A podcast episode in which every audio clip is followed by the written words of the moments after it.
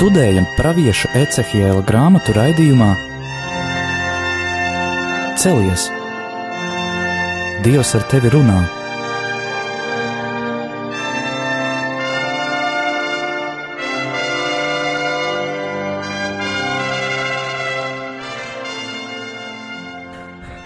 Slavēts Jēzus Kristus.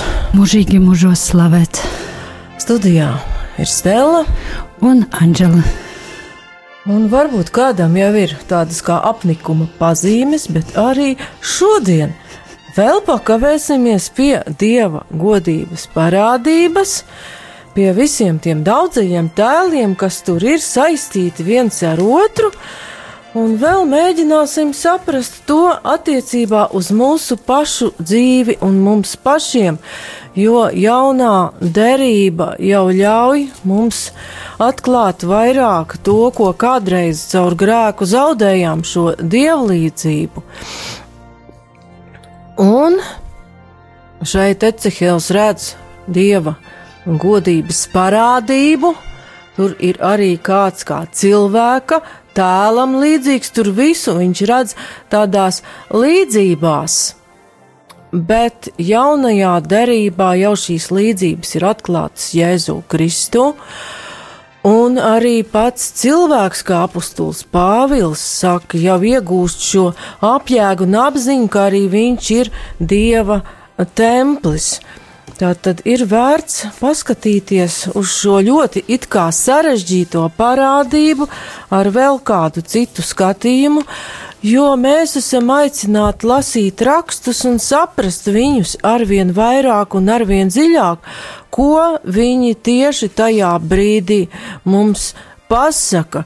Un, lai mēs saprastu, kā to darīt, mums ir katoliskās baznīcas katehisms, kā arī ir uh, dažādas bībeles vārdnīcas, un interneta cienītājiem ir pieejami vēl vairāk resursi, tā kā redzam, ka internets ir lietojams arī ļoti labiem mērķiem.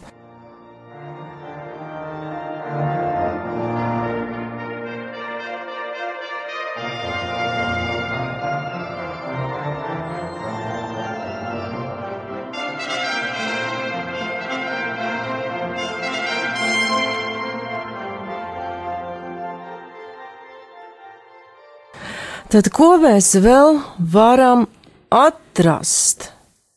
Un jūda mistiķi māca, ka šīs dzīvās būtnes veido kunga godības pamatstruktūru. Cilvēks lauva vērsis ērglis.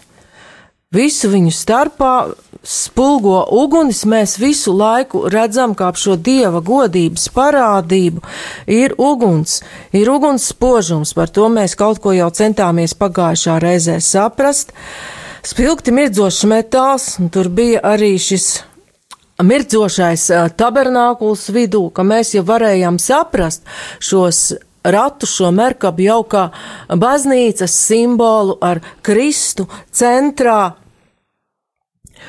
Un ko tad vēl varam saprast par šīm dzīvajām būtnēm?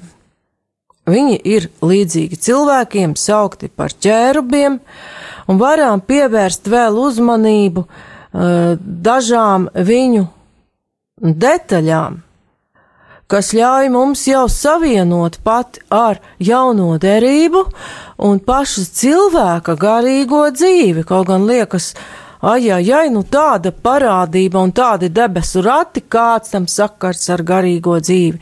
Izrādās, ka diezgan liels un atsevišķi simboli, uh, no Mērkabas teoloģijas viņi ir atrodami pat katoļu svēto tekstos, un kas tur bija? Septiņi. Kas? Par to mēs nedaudz vēl vēlāk runāsim.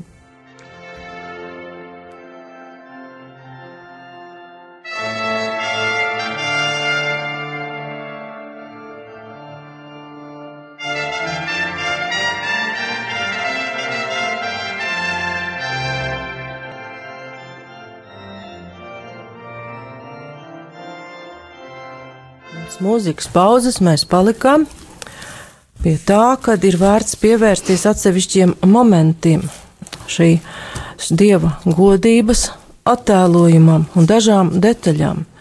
Mēs redzam, ka tur ir dažas tādas svarīgas norādes. Jau sapratām, ka ir četri dzīviem radījumiem līdzīgi veidojumi, tie ir arī cilvēkam līdzīgi, četras sejas, četri spārni. Tas viss ir šī četru stūru pasaules uzbūves koncepcija, kas bija tajā laikā. Te mēs redzam, viņu kājas bija taisnas, viņa kāja pēdas bija kā teļnagi un laistījās kā nogludināts varš. Īsts teikums. Kāpēc tās taisnās kājas ir vajadzīgas? Stiprās kājas arī. Jā, jo kas tad viņām ir jātur?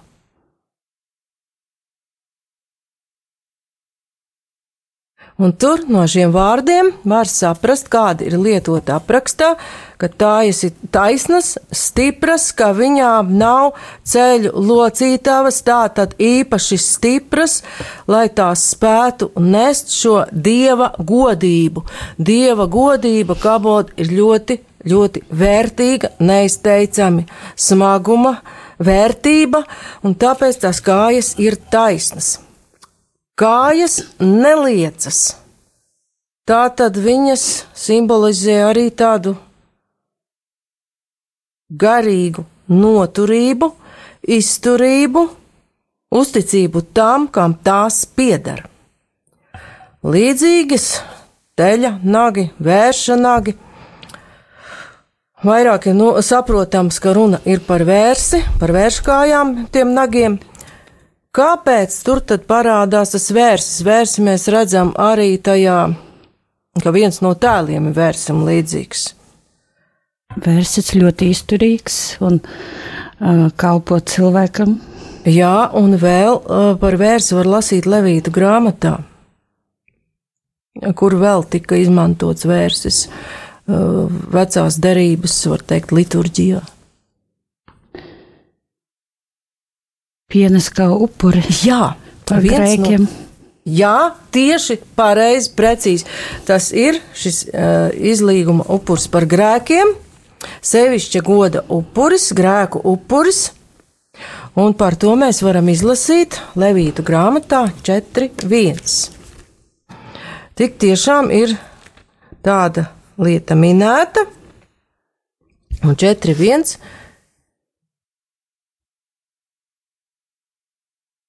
Mēs varam un tālāk lasīt.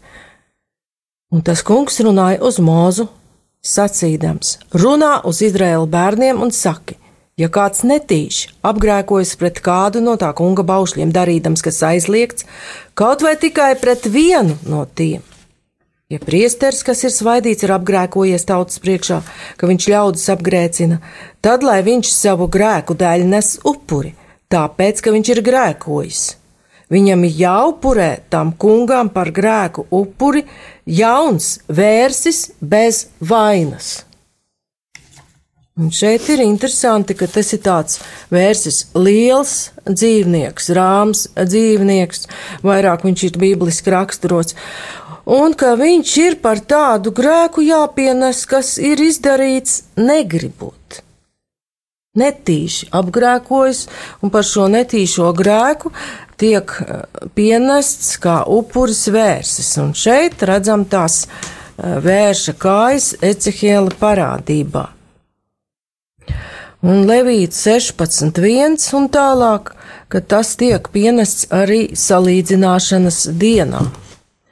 Varam arī paskatīties, kā tas izskatās tekstā, jo tas ir pietiekoši eh, svarīgi vecās derības upuri tomēr tiek piepildīti jaunajā derībā jau citā veidā, bet tas pirmsākums un sakne jau ir šajā vecajā derībā, ko mēs lasām, un sevišķi Levītu grāmatu reizēm tādu lielu uh, garlaicību, kāpēc tas tur tā ir. Un 16. nodaļā ir runāts par salīdzināšanas dienu. Un tur ir vesela rinda dažādu noteikumu, kādam priesterim ir jāiet svētnīcā, jeb teltī toreiz, un 16.3 levītu grāmatā mēs lasām. Ņemot jaunu vērsi par grēku upuri un aunu par dedzināmo upuri Ārons drīkst ieiet svētnīcā. Tad tikai ņemot šos upurus, viņš drīkst ieiet svētnīcā.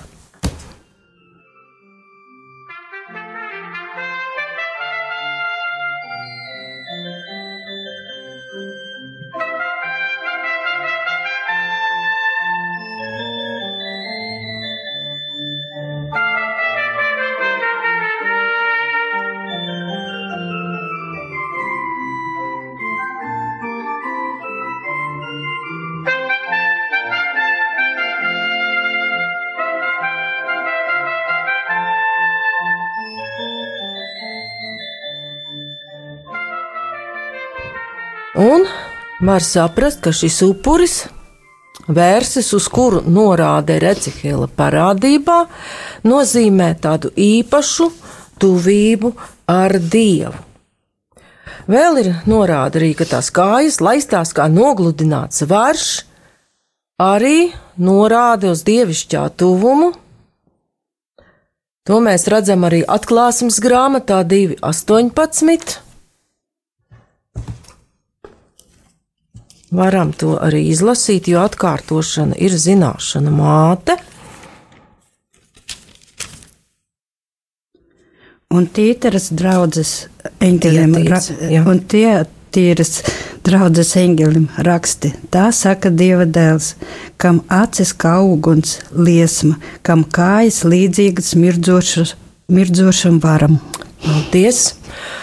Un redzam, ka tur ir runa par dieva dēla redzējumu, kam kājas līdzīgas mirdzošam varam, bet saprotam, ka, ja vecajā derībā ir norāda uz upuru dzīvnieku, jaunajā derībā jau pats Kristus ir šīs upuris, kas sevī ietver visus upurus līdz laiku beigām, kas kādreiz ir tikuši nesti. Tā tad pat šīm kājām ir tāda vienam teikumam eh, dziļa jēga un uh, bagāta simbolika. Un tēli paši arī ir kā uguns, un starp tiem visu laiku ir zibeņi un uguns, un vēl varam pievērst, pievērst uzmanību, kas tad visu šo veidojumu, šo dieva godības troni, uh, merkabu, šos dieva ratus ved uz priekšu, kas viņam liek kustēties. Nu, arī tur Kas Dieva gars jā. vada viņus. Jā. Gars. Pilnīgi pareizi. Un turpat divējādi mēs varam saprast, jo tur bez tiem spārnotajiem ķērubiem vēl ir arī riteņi no dārgiem akmeņiem, un mēs neiedziļināsimies tieši ļoti lielos sīkumos, ko katrs var nozīmēt, bet mēs redzam, ka šie dažādie elementi veido vienu veselumu, kas tikai sadarbojoties iet uz priekšu. Un te redzam, ka ļoti liela ir nozīme tam garam, kas viņus dzen uz priekšu. Un Ecihela 1, 12 un arī 20. pantā mēs lasām, kurp gars dzina. Tā tad gars, kur liek Dzen uz priekšu Jā, vienmēr. tie Un ik viens rāda ceļu. taisni uz priekšu, tie gāja neatskatīdamies, kur Jā. Jā. gars to dzina. Tā tad atkal ir norāda uz tādām lietām, kas ir svarīgas garīgajā dzīvē, neskatīties atpakaļ uz to, kas bija, ko Dievs jau ir paņēmis un nost, bet skatīties uz to virzienu, kur gars dzēn, un kā Jāņa evaņģēlijā pats kungs saka Nikodēmam, kas pie viņa ir atnācis naktī, ka gars kā vējš pūš, kurp gribēdams, mēs nevaram pat pateikt šo virzienu, un te arī virziens nav pateikts, bet kurp gars tos dzina, un vēl mēs lasām 20. 21. pantā, Ecihela grāmatā pirmajā nodaļā, ka gars mājoja arī tajā elementā, kas tur mazāk pieminēts, riteņos. Tātad šis gars caurstrāvo visu šo kustību, un par gara klātbūtni var liecināt, kā mēs jau saprotam no jaunās derības, šīs uguns liesmas un zibeņi, tas ir dieva klātbūtne. Tad Es eh, gribētu Jā. arī izlasīt no vēstules galotiešiem, Svētā Pāvila vēstules galotiešiem, kā gars vada cilvēku. Uh, bet es saku, staigājiet garā, tad jūs miesas kārību savaldīsiet, jo miesas tieksmes ir pret garu, bet gara tieksmes ir pret miesu, jo šie divi viens otram stāv pretī, kā jūs nedarat to, ko gribat, bet ja gars jūs vada, tad jūs vairs neesat padoti bauslībai, bet zināmi ir miesas darbi, tie ir netiklība, nešķistība, izlaidība, elku kalpība, buršana, ienaids, strīdi, nenovīdība, dusmas, kildes, šķelšanās, ķecerība, skaudība, dzeršana, dzirošana un tam līdzīgas lietas, par kurām es iepriekš saku, ka jau esmu senāk sacījis, tie, kas tādas lietas dara, nemantos dieva valstību, bet gara auglis ir mīlestība, prieks, miers, pacietība, laipnība, labprātība, uzticamība, lēnprātība un atturība. Pret, tādiem, pret, tādām lietām nav bauslības. Paldies! Tagad pēc mūzikas pauzes mēs mēģināsim saprast, kāds ir sakars šim garajam fragmentam ar dieva godības šo troni.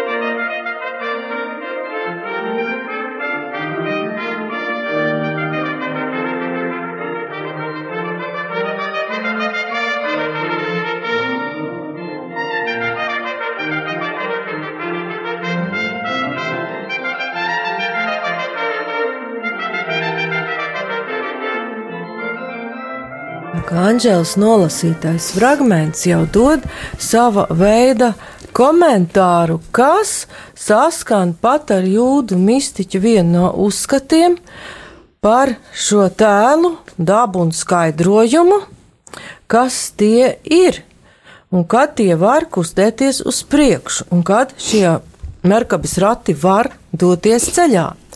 Mēs redzējām jau, kad Vienam cilvēka seja, mēs to varam saprast arī kā saprāta simbolu, vērsis nozīmē spēku un lēnprātību, un vēl viņš attiecas arī uz mājdzīvnieku. Arī kalpošanu. Arī kalpo, jā, pilnīgi pareizi kalpošanu. Un, ja cilvēks ir saprāts, cilvēks ir arī tas, kam ir uzticēts valdīt par šiem dzīvniekiem, par visu dzīvo radību. Lauva, tas ir spēks, Arī valdīšana viņš ir sauszemes dzīvnieku, savaļas zvēru karalis. Un drosme. Arī drosme un vēl var būt. Ja cilvēks ļoti padodas grēkam, un tad ar to drosmi tur var iznākt drosmes vietā liela agresija un pat karš un ķīviņš. Un ērglis ir šis putnu valdnieks, un visu redz tā kā no augšas. Un tā kā savā veidā viņi satur arī tādas cilvēku dabas iezīmes, tad viņiem vajadzētu savā starpā sadarboties. Jā, arī būs vi, būt vienotiem. Visu. Būt vienotiem. Un tur mēs tālāk redzam, ka tie rati iet uz priekšu tikai tad, ka šo tēlu Viņi arī saukt arī pa ķērubiem, spārni satiekas cits ar citu, tad viņi sāk iet. Kā mēs varēsim lasīt trešā nodaļā, 13. pantā, kad garas spēks paceļ jau pravieti, tā tad viņš jau ir kopā ar šo kunga godību gars, viņu paceļ un aizrauj. Un, kad kunga godība paceļas un dodas uz priekšu, viņš redz lūko 3.13. Un proti, četru dzīvo tēlu spārnu švīkstoņu šiem spārniem savā starpā saskaroties. Ratu rīboņi katram ritenim griežoties līdzās savam tēlam. Tātad visa šī teikt, garīgā ekosistēma sāk darboties saskaņoti. Un cilvēka garīgajā dzīvē tātad visas viņa tieksmes un spējas ir saskaņotas pat tas, kas mums varētu likties kā slikts un nevēlams, bet tomēr mūsu dabā ir, tiek pakļaut šai kalpošanai dievam, jo kā Hasīda māca, šis simbols, merkabs simbols ir tam, lai mācītu cilvēku atzīt Dievu un kļūt labākam cilvēkam. Tātad šos viņa varētu likt pēdiņās eņģeļus, pakļaut šai Dieva varenībai un kalpošanai Dievam. Un arī Lūkas evanģēlija par tiem cilvēkiem, kuri ir vienoti un arī pilda Dieva gribu, sadarbojās ar Dievu. Pat tiem teikts, un arī mirt tie vairs nevar, jo viņi ir līdzīgi eņģeļiem un ir Dieva bērni, būdami augšām celšanās bērni. Paldies! Vēl var redzēt, ka visa šī saskaņošanās nepieciešamība ir attiecināma arī uz dabu. Un jūda mistiķis skatīja šajā merkapa simbolā arī dieva radīto pasauli. Šos Stihijas četrus arhetipus lauva viņiem simbolizēja uguni, vērsis zemi, ērglis gaisu, vīrietis, ūdeni. Tātad šos galvenos elementus, kas ir pasaulē, bet viņi redzēja arī to, ka praksē Nu, vienmēr ir šo četru kombināciju vēl neskaitāmas kombinācijas, kuras ved pasauli uz priekšu, dzīvās radības attīstās, pasaules ekosistēmai vajadzētu attīstīties, un tam visam vajadzētu notikt saskaņoti, bet ko mēs redzam? Mežu ugunsgrēki, plūdi, vētras, tā tad kaut kur Kaut kas ir par daudz, un kaut kas ir par maz. Un pie vainas tur nu nebūs gan dievs un viņa sots, bet tas, ka cilvēks atkritis no dieva radīšanas sākuma dienās jau neievērojot dievu pavēli un vēlēdamies noteikt pats labu un ļaunu, ir izjaucis arī savu sliktu tieksmju vadīts, piekopjot to, par ko Anģels šeit runāja, par ko Pāvils runā vēstulē galtiešiem. Piekopja to visu, viņš ir izjaucis arī šo pasaules ekosistēmu, kurā viss ir radīts, lai sadarbotos savā starpā, sadarbotos ar cilvēku, un lai tā varētu attīstīties un iet uz priekšu un būt kā šis dieva tronis. Bet tieši cilvēka paša izvēle to ir uz kādu laiku izmainījusi. Arī Pāvila vēstule romiešiem pa svēto garu ir teikts, bez tam arī gars nāk palīgā mūsu nespēkam, jo mēs nezinām, ko mums būs lūgt un kā, bet gars aizlūdz par mums ar bezvārdu nopūtām. Paldies! Jau uz raidījuma beigām, pēc mūzikas pauzes, mēs redzēsim vēl kādu uzskatu, kurš bija jūdu mistiķiem un ir ļoti tuvs jau pat daža laba katoļu svētā mācībai.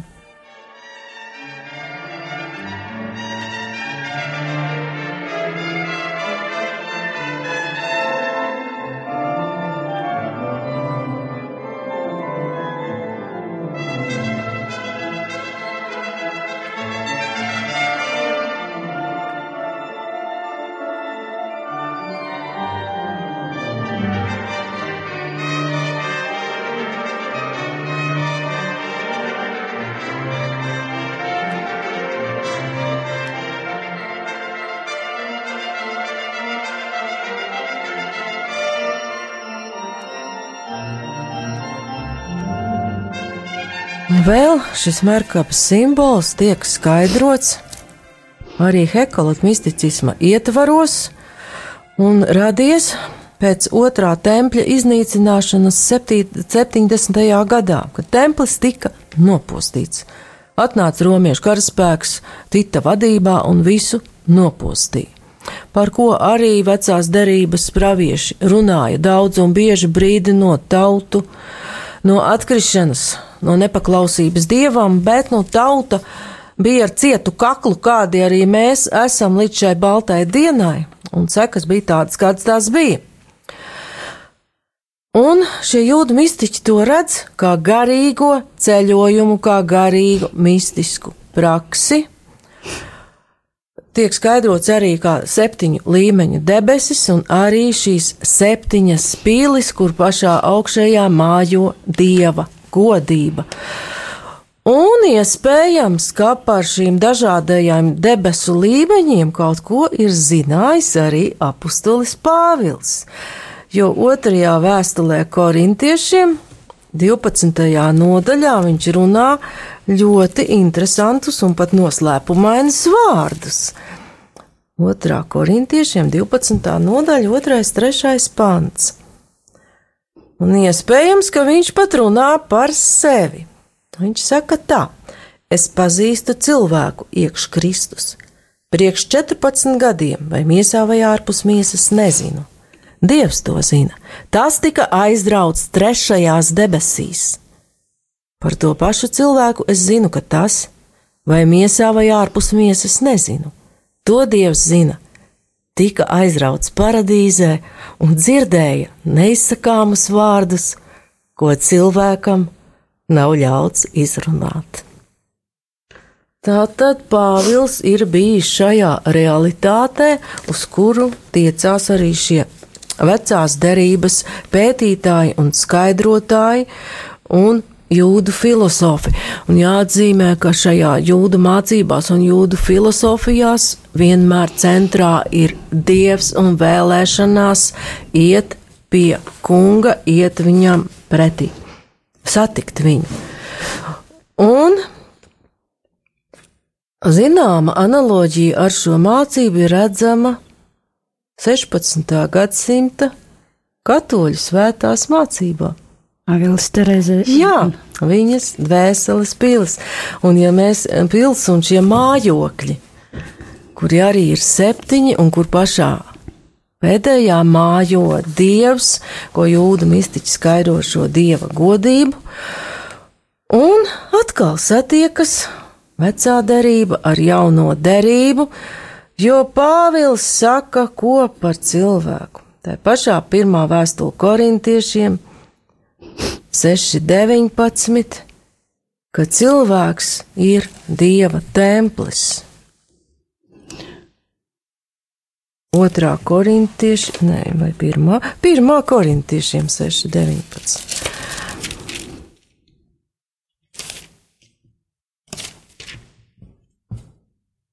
Jeb vai jūs nezināt, ka jūsu miesa ir svētā gara mājoklis, kas ir jūsos, un ko jūs esat saņēmuši no dieva, ka jūs nepiedarat sev pašiem?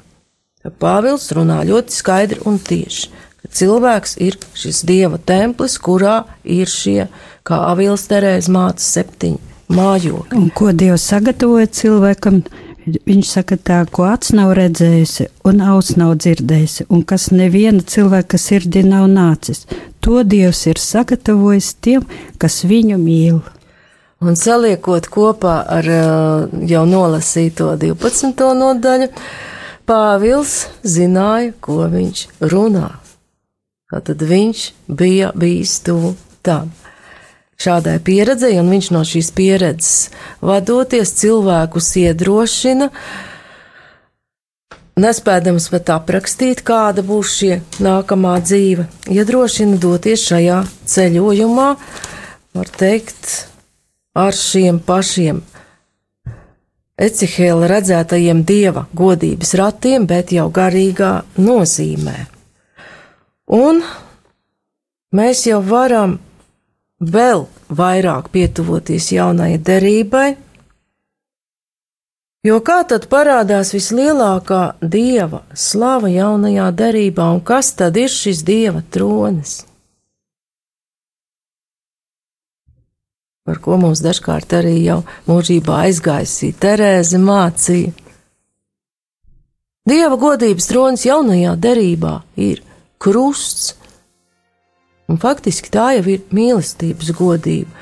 Tātad tur jau arī cilvēkam ir jābūt ļoti stipriem pamatiem un stiprām kājām, un te jau mūsu raidījuma noslēgumā mēs varam atcerēties pāvestu Francisku un viņa uzrunu Aglonā.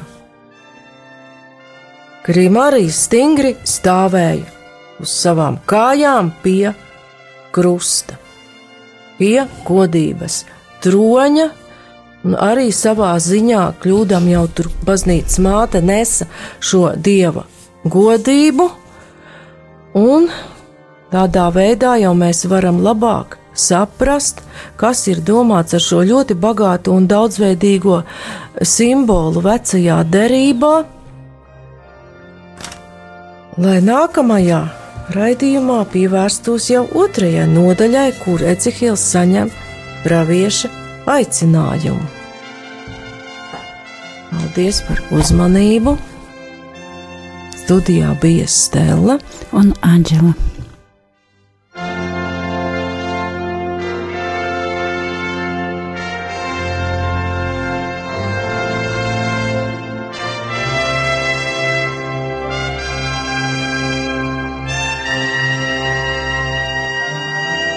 Izskanēja raidījums